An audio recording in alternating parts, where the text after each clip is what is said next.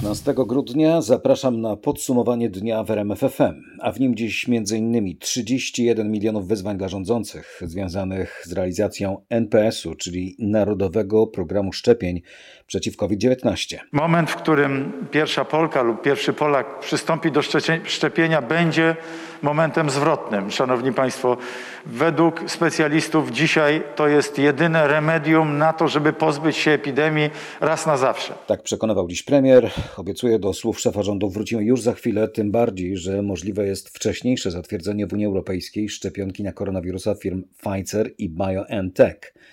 To jest także nadzieja dla Włochów, bo Italia w tym roku, już wiemy, będzie mieć najwyższą liczbę zgonów od czasów II wojny światowej, właśnie za sprawą śmiertelnie groźnego koronawirusa. Ale powiemy też o tym, jak nawet po śmierci można komuś uratować życie. Tutaj w tym przypadku udało się ściągnąć ekipy transplantacyjne aż z Gdańska, Zabrza, Katowic i Krakowa. Z pięciu ekip e, spłynęły informacje, że wszystkie przeszczepy się udały. Zapraszam, to jest podsumowanie dnia w RMF FM. Tomasz Stańszewski, zaczynamy. Zaczynamy od koronawirusa. 690 zakażonych, 349 ofiar we wtorkowym raporcie Ministerstwa Zdrowia. Zakażenia potwierdzono w każdym z 16 województw, ale w żadnym nie ma ich więcej niż 768. To dzisiejsze najwyższe dane z Mazowieckiego. Najmniej zakażeń 129 w Opolskiem. Ostatniej doby wykonano 30 613 testów, w tym ponad 14 300 testów antygenowych. Ostatniej doby wykonano 30 613 testów, w tym ponad 14 300 testów antygenowych. Co o tych najnowszych danych mówił dziś minister zdrowia Adam Niedzielski. Trzecia fala jest realnym ryzykiem. Jest realnym ryzykiem również z naszego punktu widzenia. Dlaczego? Dlatego, że widać, że procesy pandemiczne wyhamowują, to znaczy, że ta spadek dynamiki, z którym mieliśmy do czynienia w ciągu ostatnich w ciągu ostatnich tygodni jest coraz mniejszy. Tak naprawdę ta liczba zakażeń stabilizuje się nam na poziomie w okolicy e, no średnio w tygodniu 10 tysięcy zakażeń, co jest ogromną liczbą, liczbą, która oczywiście prowadzi i do presji na system opieki zdrowotnej, ale też do tego, co jest najgorszym, najgorszą konsekwencją choroby na koronawirus, czyli również do zgonów do śmierci. Według ministra zdrowia okres Sylwestra i ferii to kluczowe momenty, które będą skutkowały ewentualną trzecią falą pandemii. Jak zatem Adam Niedzielski wyobraża sobie najbliższe tygodnie? Czy rodzinę z zagranicy zachęcałby do przyjazdu na święta? Tutaj, jeżeli chodzi o napływ Polaków z zagranicy czy przyjazd, to jednak w pierwszej kolejności namawiamy do rozwagi, namawiamy do tego, żeby spędzać te święta w kameralnym gronie, w gronie najbliższej rodziny. Na pewno w ten sposób, żeby nie przekraczać limitów, które e, sobie ustaliliśmy, czy czyli e, pięciu osób ponad limit E, domowników i to jest jakby jedno zagadnienie. A drugie zagadnienie jest takie, że proszę e, pamiętać, że w części krajów, z których będą tutaj Polacy napływali, też mamy różne rozwiązania dotyczące kwarantanny i to też oznacza konieczność no, przyjazdu w takim terminie, żeby zabezpieczyć siebie i swoich najbliższych. Więc z tego punktu widzenia to wypada mi tylko ponownie powiedzieć, żeby rozważyć te swoje plany, żeby zastanowić się, czy akurat te święta są najlepszym momentem na spotkanie rodzinne, e, czy nie lepiej też planując sobie długookresowo e, kolejne wizyty w Polsce, poczekać po prostu do święt wielkanocnych. Tyle minister zdrowia Adam Niedzielski. Razem z nim na konferencji prasowej pokazał się dziś premier Mateusz Morawiecki, potwierdzając, że rząd przyjął Narodowy Program Szczepień. Przedstawiamy dzisiaj Państwu przyjętą przez Radę Ministrów Narodową Strategię Szczepień. Mamy zakontraktowanych ponad 60 milionów dawek już dzisiaj od sześciu firm, które jako pierwsze przedstawiły swoją dokumentację do e, akceptacji przez odpowiednie agencje medyczne. Na proces szczepień nie będziemy szczędzili środków. To już dzisiaj zakontraktowane około 3 miliardy złotych, e, zabudżetowane 3 miliardy złotych, ale prócz tego także środki dla wszystkich placówek medycznych, które będą szczepić, które niemalże podwoją tę liczbę. Dla nas priorytetem numer jeden jest kwestia zaszczepienia jak największej liczby osób. Pytanie, jak do nich dotrzeć, jak ich przekonać? Z prezesem się udało. Szef Prawa i Sprawiedliwości Jarosław Kaczyński zaszczepi się na koronawirusa, potwierdził dziś szef gabinetu politycznego wicepremiera Michał Moskal. Czy uda się z prezydentem Andrzejem Dudą? No, łatwo nie będzie, bo on w lipcu w kampanii podczas debaty prezydenckiej mówił przecież tak. Absolutnie nie jestem zwolennikiem jakichkolwiek szczepień obowiązkowych. Powiem Państwu otwarcie, ja osobiście nigdy się nie zaszczepiłem na grypę, bo uważam, że nie. Prezydent z lipca tego roku. By nie być posądzany o wyrwanie słów Andrzeja Dudy z kontekstu, przypomnijmy może całą odpowiedź prezydenta na zadane mu pytanie. Panie prezydencie, mam takie pytanie. E, Co z COVID-em, kiedy się skończy, kiedy będą szczepionki, czy będziemy się szczepić? Proszę Panią, kiedy się skończy e, koronawirus? Nie umiem na to pytanie odpowiedzieć. Nie umiem na to pytanie odpowiedzieć, bo nie jestem ekspertem. Zresztą eksperci mają kłopot z odpowiedzeniem na to pytanie, bo ja też o to pytałem. Natomiast mogę powiedzieć w ten sposób. Na pewno będziemy bezpieczni wtedy, kiedy powstanie lek. Na pewno będziemy bezpieczni wtedy, kiedy, nas, kiedy, kiedy stworzone zostanie jakieś remedium na koronawirusa, kiedy już ktoś jest chory, czy też zabezpieczające przed zachorowaniem na koronawirusa.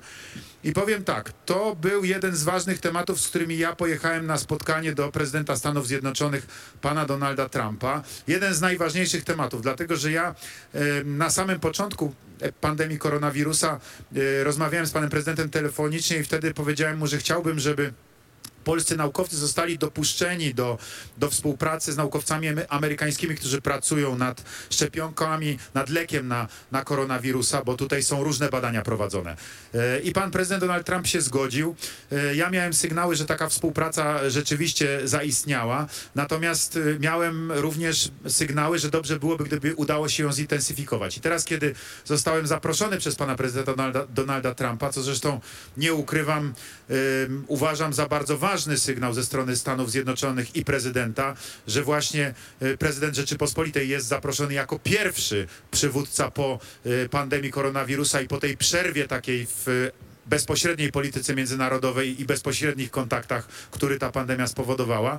Rozmawialiśmy także na ten temat i, i prezydent Donald Trump dał tutaj zielone światło na pogłębienie e, tej współpracy, więc Agencja Badań Medycznych przystąpiła tutaj do działania, żeby zintensyfikować te kontakty.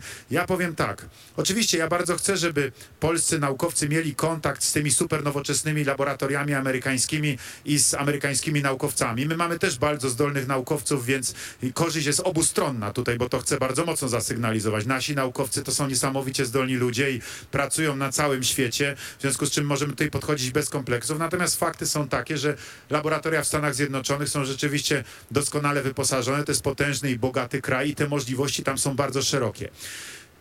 Nie ukrywam, że mam nadzieję, że rzeczywiście ten lek zostanie tam właśnie w Stanach Zjednoczonych opracowany i że my dzięki tej współpracy będziemy tymi, którzy w pierwszej kolejności będą mogli y, z niego skorzystać. Y, no, po prostu kto współpracuje, kto współdziała, kto współuczestniczy w badaniach, ten w sposób oczywisty dla mnie jest uprawniony do tego, by, by być w tych, wśród tych pierwszych, którzy, którzy później korzystają z tego, y, z, te, z tego dobrodziejstwa. Natomiast jeżeli chodzi o szczepionkę, absolutnie nie jestem zwolennikiem jakichkolwiek szczepień obowiązkowych. Powiem Państwu otwarcie, ja osobiście nigdy się nie zaszczepiłem na grypę, bo uważam, że nie. Miałem oczywiście różne szczepienia jako dziecko i później jako dorastający chłopak, ale na grypę się nigdy nie szczepiłem i nie chcę się szczepić. I uważam, że szczepienia na koronawirusa absolutnie nie powinny być obowiązkowe. Proszę bardzo, kto chce, jeżeli będzie szczepionka, niech się zaszczepi, ale kto nie chce, to jest jego osobista decyzja. Szczepionki na COVID, przypominam, mają być dobrowolne, podkreślam, do tego darmowe i dwudawkowe. W pierwszej kolejności szczepienia prowadzone mają być wśród pracowników służb medycznych, mieszkańców domów pomocy społecznej, zakładów opiekuńczo-leczniczych, żołnierzy oraz osób powyżej 60 roku życia. Celem NPS-u, Narodowego Programu Szczepień, jest osiągnięcie w przyszłym roku odporności populacyjnej. Pytanie, Co ze szczepionką? Możliwe jest bowiem wcześniejsze zatwierdzenie w Unii Europejskiej szczepionki na koronawirusa firm Pfizer i BioNTech. Europejska Agencja Leków e, na najbliższy poniedziałek, 21 grudnia, zwołała nadzwyczajne posiedzenie, które będzie dotyczyło właśnie zatwierdzenia szczepionki przeciwko COVID-19. W podsumowaniu dnia teraz nasza korespondentka w Brukseli, Katarzyna Szymańska-Borgino. Kasiu, e, co oznacza ta zmiana daty z 29 grudnia na 21? Oznacza to przyspieszenie głównie pod wpływem presji Niemiec i innych krajów, które niepokoiły się, że państwa spoza Unii już szczepią, a Unia wciąż czeka na decyzję zatwierdzającą tę szczepionkę. Agencja, która ma wydać ocenę szczepionki na podstawie dostarczonych przez firmę danych, poinformowała, że wczoraj wieczorem otrzymała od firmy farmaceutycznej farmaceutycznej dodatkowe wymagane dane, w związku z czym komitet oceniający zbierze się 21 grudnia. Zaznaczono natomiast, że w razie potrzeby spotkanie zaplanowane na 29 grudnia zostanie utrzymane. Agencja tłumaczy, że po wydaniu opinii o dopuszczeniu na unijny rynek zdecyduje Komisja Europejska, która zobowiązała się, że zrobi to w ciągu kilku dni. Cała ta procedura jest konieczna, tłumaczy EMA, by szczepionki przeciwko COVID-19 spełniały takie same wysokie standardy jak wszystkie szczepionki i leki na unijnym rynku. We Włoszech liczba zgonów w tym roku przekroczy 700 tysięcy i będzie najwyższa od 1944 roku, czyli od ostatniego roku II wojny światowej. Takie dane przedstawił dziś tamtejszy Krajowy Instytut Statystyczny ISTAT. Ten tragiczny rekord ma oczywiście związek z epidemią koronawirusa. Dziś Włosi dopisali kolejnych 846 ofiar, Potwierdzono we wtorek 14 844 nowe zakażenia i to są znaczne wzrosty w porównaniu z raportami z ostatnich dni. We Włoszech wykonano, uwaga, 162 tysiące testów, zatem około 9% tych badań dało wynik pozytywny. Zaszczepienie przeciw COVID-19 całej populacji Wielkiej Brytanii może zająć rok i to przy założeniu, że nie będzie żadnych przerw spowodowanych np. brakiem ciągłości dostaw samych szczepionek. Tysiąc ośrodków szczepień, w każdym szczepionych będzie 500 osób dziennie przez 5 dni w tygodniu, bez przerw w zaopatrzeniu i w dostawach, Oznacza to, że potrzeba prawie roku, by zapewnić dwie dawki całej 66-milionowej populacji Wielkiej Brytanii. Od kiedy sięgnąć pamięcią, żaden kraj nie zorganizował takiej kampanii szczepień. Napisali w artykule opublikowanym dziś na łamach magazynu Anesthesia profesor anestezjologii i intensywnej terapii Tim Cook oraz Jeremy Farrar, dyrektor organizacji charytatywnej Welcome Trust i członek naukowej rady do spraw sytuacji kryzysowych SAGE. Tu przypominam razem z naszym korespondentem w Londynie, Bogdanem Frumorgenem, że od jutra Londyn znowu znajdzie się na najwyższym poziomie 3-stopniowej skali zagrożenia koronawirusem. No i to jest ponowny cios dla właścicieli biznesów, którzy w okresie przedświątecznym mieli nadzieję odrobić utracony w tym roku dochód. Ponownie zamknięto kina, teatry i kręgielnie, puby i restauracje mogą wyłącznie sprzedawać dania na wynos. Mimo wprowadzonych ograniczeń, szkoły nadal pozostają otwarte. Niepokojące są natomiast informacje o nowym zmutowanym szczepie koronawirusa, który zaobserwowano w południowo-wschodniej Anglii. Możliwe, że przyczynia się on do wzrostu poziomu zakażeń, mówi brytyjski minister zdrowia Matt Hancock. Eksperci uspokajają, nie ma dowodów na to, że ten nowy wariant nie reaguje na podawaną obecnie Brytyjczykom szczepionkę. Z Londynu korespondent RMFFM Bogdan Frymorgan. W podsumowaniu dnia zostawiamy temat szczepionek przyszłości, koncentrujemy się na tu i teraz. Narządy pobrane od 41-letniego zmarłego pacjenta z Zakopanego uratowały pięć osób z różnych regionów Polski. O skomplikowanej z medycznego i logistycznego punktu widzenia operacji opowiadają dyrektor medyczny Zakopiańskiego Szpitala Małgorzata Czaplińska i lekarz odpowiedzialny za przeszczepy Hubert Szurniak. Kilkugodzinny zabieg. Doszło do pobrania narządów życiowych, narządów, najważniejszych narządów. Chciałam podziękować najbliższej rodzinie zmarłego. W obliczu tak wielkiej tragedii była otwarta na taką decyzję i była otwarta na obce życie. Po potwierdzeniu oczywiście śmierci mózgu rusza cała procedura. Tutaj w tym przypadku udało się ściągnąć ekipy transplantacyjne aż z Gdańska, Zabrza, Katowic i Krakowa. Z pięciu ekip spłynęły informacje, że wszystkie przeszczepy się udały. Według polskiego prawa Każda osoba zmarła może być uważana za potencjalnego dawcę tkanek i narządów, jeżeli za życia nie wyraziła sprzeciwu. Pamiętajmy o tym, możemy komuś uratować życie. Parlament Węgier przyjął dziś ustawę, która de facto zakazuje adopcji dzieci przez pary jednopłciowe. Zezwala na adopcję przez małżeństwa i za specjalną zgodą resortu do spraw rodzin przez osoby samotne. Projekt ustawy przedłożył rząd premiera Viktora Orbana. Parlament przyjął jednocześnie 12 poprawek do konstytucji, w tym definicję rodziny jako związku, w którym ojcem jest mężczyzna, a matką kobieta.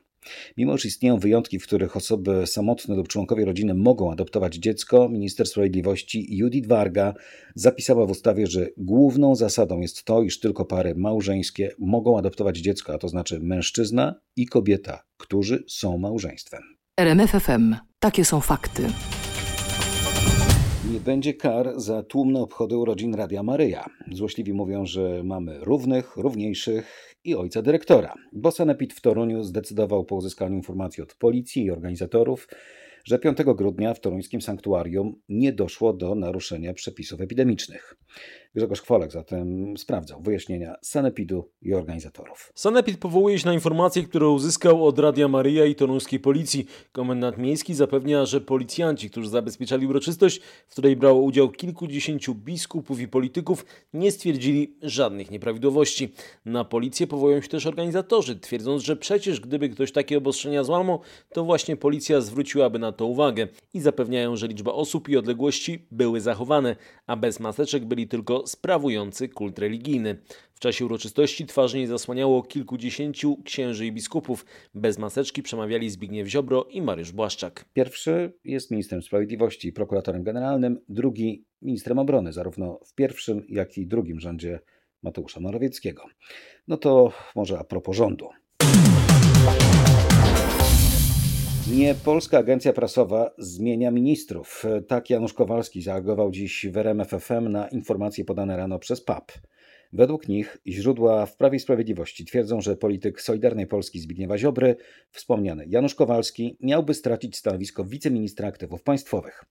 Robert Mazurek zatem osobiście pytał u źródła w porannej rozmowie w RMFFM. Janusz Kowalski, poseł Solidarnej Dzień dobry. Polski, dzień dobry. I wciąż Dzień jeszcze dobry, panie wice... I wciąż jeszcze wiceminister aktywów państwowych. Mówię wciąż jeszcze, bo Polska Agencja Prasowa twierdzi, że to już niedługo, jak pan tym ministrem jest. No, panie redaktorze, nie Polska Agencja Prasowa zmienia skład rządu, jest umowa koalicyjna, Solidarna Polska, Porozumienie i Prawo i Sprawiedliwość tworzą rząd, działamy wspólnie dla dobra Polski. Naturalnie, dla byty dobra. Polski nie, nie chodzi przecież o własne interesy. To wszyscy wiemy. Absolutnie. No oczywiście, no przecież w ogóle nikt tak nie myśli, panie pośle. Nikt nie myśli, że może chodzić o coś innego niż o dobro Polski. Ale pytanie w takim razie jest proste. Czy pan ma zamiar się podać do dymisji? Panie redaktorze, my jako Solidarna Polska jesteśmy mm, elementem... Panie pośle, jakby pan był łaskaw odpowiadać we własnym imieniu, a nie w imieniu zawsze Solidarnej Polski, pytam, czy pan się poda do dymisji, a, a nie Solidarna Polska? Polity, polityka jest grą e, zespołową. Nie widzę powodów, dla którego miałbym się podawać się do dymisji, tym bardziej, że w sprawie na przykład ostatniego szczytu Unii Europejskiej prezentuję konsekwentnie zdanie i o, a nie o milimetr go nie zmieniłem, także nie rozumiem tego To pytania. prawda, nadal pan uważa, że Polska utraciła suwerenność e, po tym szczycie, prawda? No, między innymi pan wiceprezes Prawa i Sprawiedliwości, pan Antoni Macierewicz, pan poseł, europoseł Sariusz Wolski, wielu publicystów, ekspertów. Nikt nie mówi tego tak ostro jak ty, panie pośle. Panie redaktorze, no jest, e, mówmy o faktach, a nie opiniach, a fakty są takie, że niestety rozporządzenie, które będzie warunkować wydawanie pieniędzy z Unii Europejskiej dla Polski, będzie e, prawem, jest od wczoraj prawem e, Unii Europejskiej. Jest to bardzo zła wiadomość. panie pośle, to jest fatalna wiadomość. Polski Mateusz Morawiecki okazał się miękkiszonem, straciliśmy suwerenność i pan chce w tym rządzie uczestniczyć, pan chce do tego przykładać rękę, czegoś nie rozumiem. Człowiek, No, który ma redaktorze- odrobinę honoru, podałby się do dymisji, powiedział nie, ja z nimi nie chcę mieć nic wspólnego, to jest rząd zdrady narodowej. Panie redaktorze, no proszę mnie tutaj nie nie podpuszczać. Używa pan pewnych takich retorycznych zwrotów. To są pana e, opinie. Jest tak, że Solidarna Polska w kwestii ustalenia ostatniego szczytu unijnego fundamentalnie różni się z panem e, premierem i to mówimy my w sprawie Jeżeli pan się różni fundamentalnie z premierem, a to nie jest tak, że... skończyć. No ale zaraz, pan, pan, pan dokończył jedno... Jeżeli, jeżeli to jest ważna rzecz, na- przepraszam, ale bo ja, ja pozwolę panu naprawdę skończyć i pozwolę panu dziękuję. mówić. Tylko jedna rzecz. Pan powiedział przed chwilą, różnimy się fundamentalnie z premierem. Dokładnie Jeżeli pan się fundamentalnie, podkreśla fundamentalnie, czyli zasadniczo e, w najważniejszych sprawach różni z premierem, to jak pan może w tym rządzie być?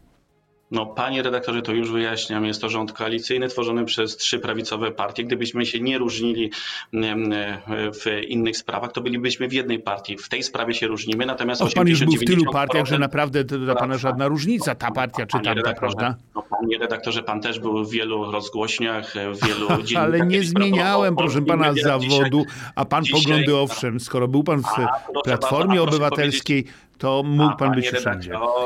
No, panie redaktorze, ja nie zmieniałem swoich poglądów. Pan pracował dla polskich mediów, dzisiaj pan pracuje dla niemieckiego Bauera, więc proszę mi pokazać Tak, sytuację, oczywiście. że ja zmieniłem. Proszę pana, e, ale wie pan co, tak ten, e, ja panu coś powiem, ten niemiecki Bauer, który tutaj chodzi i mówi mi, No, szepcze, no, szepcze no. po niemiecku do ucha, pozwala mi, proszę pana, rozmawiać tak jak chcę z każdym, absolutnie każdym politykiem, a obawiam się, że na przykład w polskich narodowych mediach, e, na przykład w polskich wiadomościach telewizyjnych tej swobody bym nie miał. Tyle Robert Mazurek. Janusz Kowalski, przypominam, to radykalny krytyk premiera Mateusza Morawieckiego w związku z kompromisem zawartym ostatnio w Brukseli w sprawie zasady pieniądze za praworządność.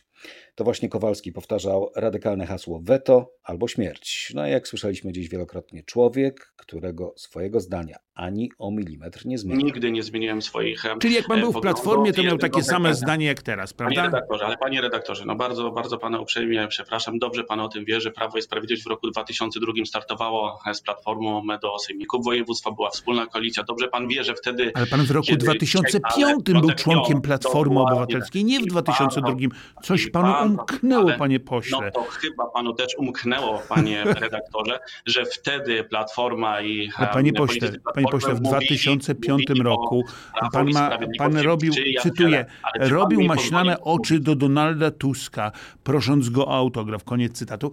E, wie pan, to był rok 2005, redaktorze, ale zostawmy już naprawdę tego nie, nie, nie, nie, nieszczęsnego. Donalda Pan Tuska. swoje powiedział i pan dobrze o tym wie, że był, był to czas popisu, miał być stworzony rząd e, popisu, współpracowałem 2000 z panem Janą Rokitą, który między innymi mówił o haśle Nicea albo śmierciach jak Sariusz Wolski. To było Pan dużo to wcześniej, naprawdę, nie w pamięta, 2005. nie no. Znowu pan myli daty. Ale panie pośle, a może jednak, może jednak, kiedy nie wiadomo o co chodzi, bo y, różnimy się fundamentalnie z premierem, ale jesteśmy z nim w rządzie, skoro nie wiadomo o co chodzi, to chodzi o pieniądze.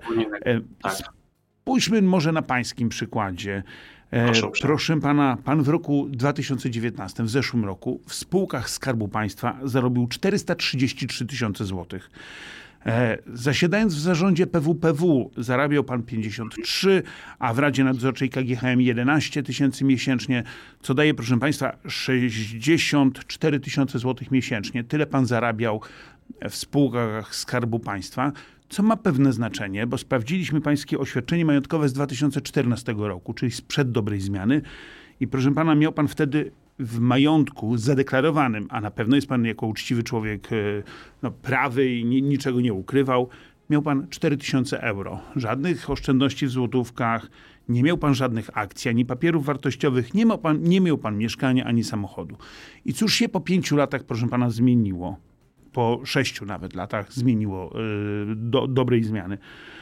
Otóż, proszę pana, ma pan teraz e, oszczędności w złotówkach, niewiele, ale 26 tysięcy. Pan, ma pan akcje Tauronu za 100, warte 120 prawie tysięcy, udziały w funduszach emerytalnych, Hondę za 80 tysięcy i mieszkanie, owszem, w kredycie, ale nie w całe, warte 860 tysięcy.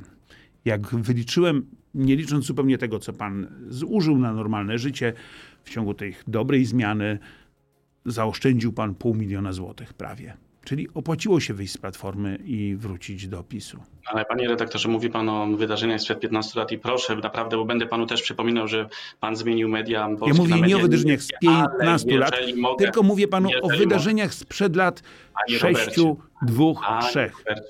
To panie Robercie, proszę mi pozwolić chociaż Ach, raz jaka pani Janusz, swoje- panie Januszu, panie Januszku, ja proszę Więc- jednak do rzeczy. Więc, Więc no ja, jeżeli mogę powiedzieć do rzeczy. I proszę pana, o dokładnie tak byłem i jestem z tego dumny, między innymi wiceprezesem PGNiG SA i w 2016 roku stworzyłem zespół prawników, e, który wygrał 6 miliardów złotych dla Polski. Działałem w Polskiej Wytwórni Ale ja to wierzę, tylko niech się pan nie gniewa. Skoro pan jest tak świetnym fachowcem, to dlaczego nie zatrudnia pana prywatny biznes, tylko zawsze państwowy?